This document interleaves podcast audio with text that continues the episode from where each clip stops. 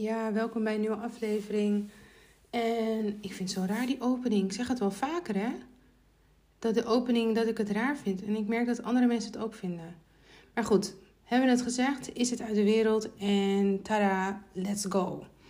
Ik wil het hebben over compromissen sluiten in je business. Uh, niemand wint daarbij. Jij niet, je klant niet. Uh, en wie er dan ook bij het betrokken is, ook niet.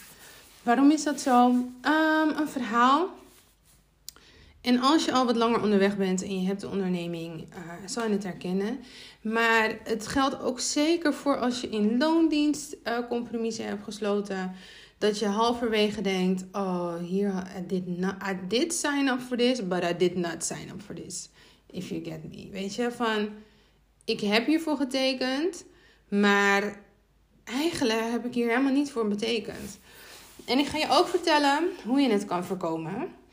Um, voorbeeld, um, op het moment dat je nog niet helemaal je ideale klant vast hebt staan en dat je bijvoorbeeld nog niet de omzet draait die je graag zou willen, dat je nog niet stevig genoeg in je schoenen staat, um, kan het zo zijn dat je bij de intake, discovery call, um, strategie sessie gesprekken, whatever, dat je eigenlijk al het gevoel hebt van, mm, ik denk niet dat dit een match is. Maar om wat voor reden dan ook, bied je die klant toch jouw traject aan. En, um, en dit kan voor van alles betekenen. Hè? Voor een één op één traject, voor een online programma. Uh, waarbij jij um, niet aanwezig bent. Dus online bedoel ik met um, alles staat online en je hebt geen interactie met de klant. Dus de klant moet zelfstandig hè, de cursus volgen. en dus het kan met van alles zijn. En achteraf blijkt dat bijvoorbeeld de klant niet of niet langer meer wil voldoen aan eh, de betalingsverplichting. Dat de klant eigenlijk komt met allerlei klachten over het programma, over de manier waarop jij het insteekt. En op dat moment weet je gewoon dat het niet aan jou ligt, omdat je precies hebt geleverd wat je had gezegd dat je zou leveren. Alleen de klant heeft of uh, financiële nood of de klant, um, ja, die had andere verwachtingen gehad van jou. Dat kan natuurlijk ook. Mm. En als de klant dat niet op het begin uit, of als die klant heel erg enthousiast is en opeens niet, ja, dan wordt het vervelend. En zeker als ze dan ook hun rekening niet meer willen betalen. En als ik zelf terugkijk naar. Ik heb één zo'n incident gehad. waarvan uh, een klant dus tegen mij zei: van ja. Uh, ik ben niet tevreden. Uh, ik had toch verwacht uh, dat je meer zus en zo zou doen. En um, nou ja, goed, ik kan het gewoon een beetje bij de naam noemen. Ik had meer verwacht dat je mij zou motiveren om in actie te komen. En ik was flabbergasted. dat dat de reden was waarvan zij op dat moment dacht van... Dit is de reden die ik ga... Dit is de reden. Ik wist wat de reden was. Ik weet gewoon dat het ehm, de reden is.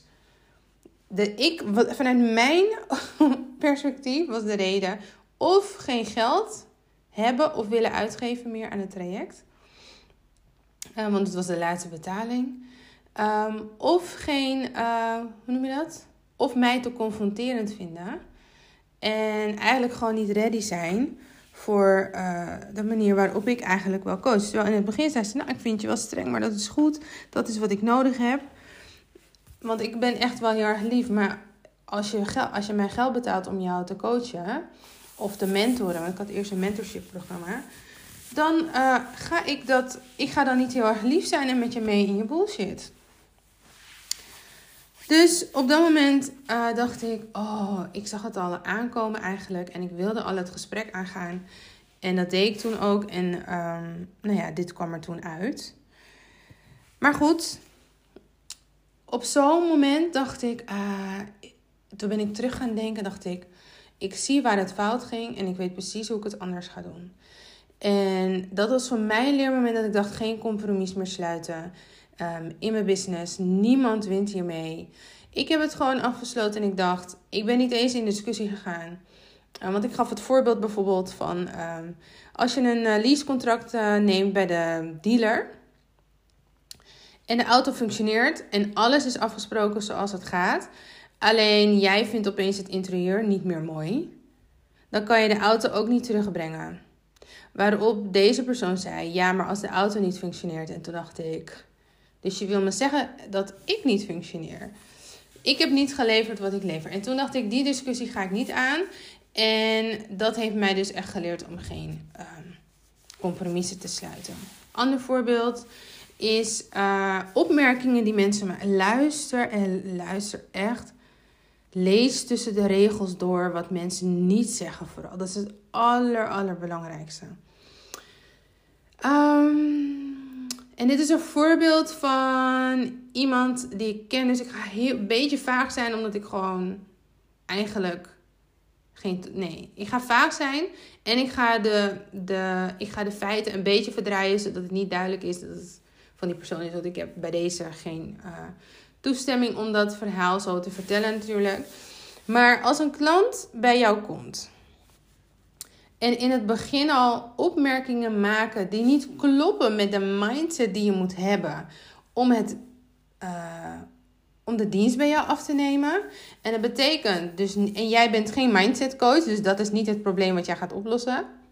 Even als dat. Dan um, ga daarover nadenken en zeg ook gewoon van als je het niet zeker weet, als je denkt van, ah, ik zou deze persoon kunnen helpen, maar ik weet niet of deze persoon nu ready is voor mij, zeg dan gewoon, ik ga er zelf nog even een dagje over slapen, een nachtje over slapen, kijken of ik jou dit ga aanbieden. Of zeg gewoon gelijk nee. Als je het weet, als je het gelijk weet, zeg je nee. En dan vertel je wat iemand misschien wel kan doen of uh, bij een ander bijvoorbeeld iets kan afnemen. Ja. En dat zijn opmerkingen opmerkingen die gaan over de financiële status van de persoon. Uh, opmerkingen over um, uh, bijvoorbeeld als ze opmerkingen maken van ja, ik heb het eigenlijk niet, maar ik ga toch investeren. Dat soort opmerkingen. Um, opmerkingen als. Oh, ik dacht net nog aan wat. Nou, kom op. Mm. Oh ja, opmerkingen als ja, ik heb al een paar business coaches gehad of een paar zulke, zulke, zulke coaches, maar zij hebben me niet geholpen, want. En dan zou ik wel echt vragen wie en waarom hebben ze je niet geholpen? Welk programma heb je genomen? Ik zou daar echt op doorvragen. Om te kijken of ze niet gewoon niet doen wat die persoon zegt. Of dat het echt het programma was. Of het niet het juiste programma was. Dat soort dingen. Um, als, ik kom nou maar niet op dat ene. Ik had net zoiets moois. Um, ja. Nou ja, goed, als mensen opmerkingen maken van jij, uh, jij moet me motiveren, denk ik nee. Motivatie komt van binnen. Ik kan je hooguit inspireren en bemoedigen. Maar ik ben ook geen cheerleader. Ik ga je niet wiegen, zoals Josianne zegt. Um, ik ga niet pap of nat houden. Ik ga niet met je mee in je bullshit. Ik ga niet ik heb, wel, ik heb echt wel een groot empathisch vermogen. Maar business heeft heel weinig te maken met gevoel.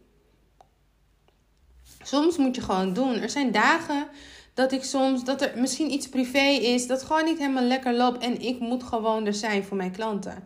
Ik moet gewoon in en aan mijn business werken. Er is geen optie, nu nog niet. Ik heb nog niet die status dat ik gewoon kan zeggen, nou, ik rond dit even af deze maand en ik ga er even drie maanden tussenuit.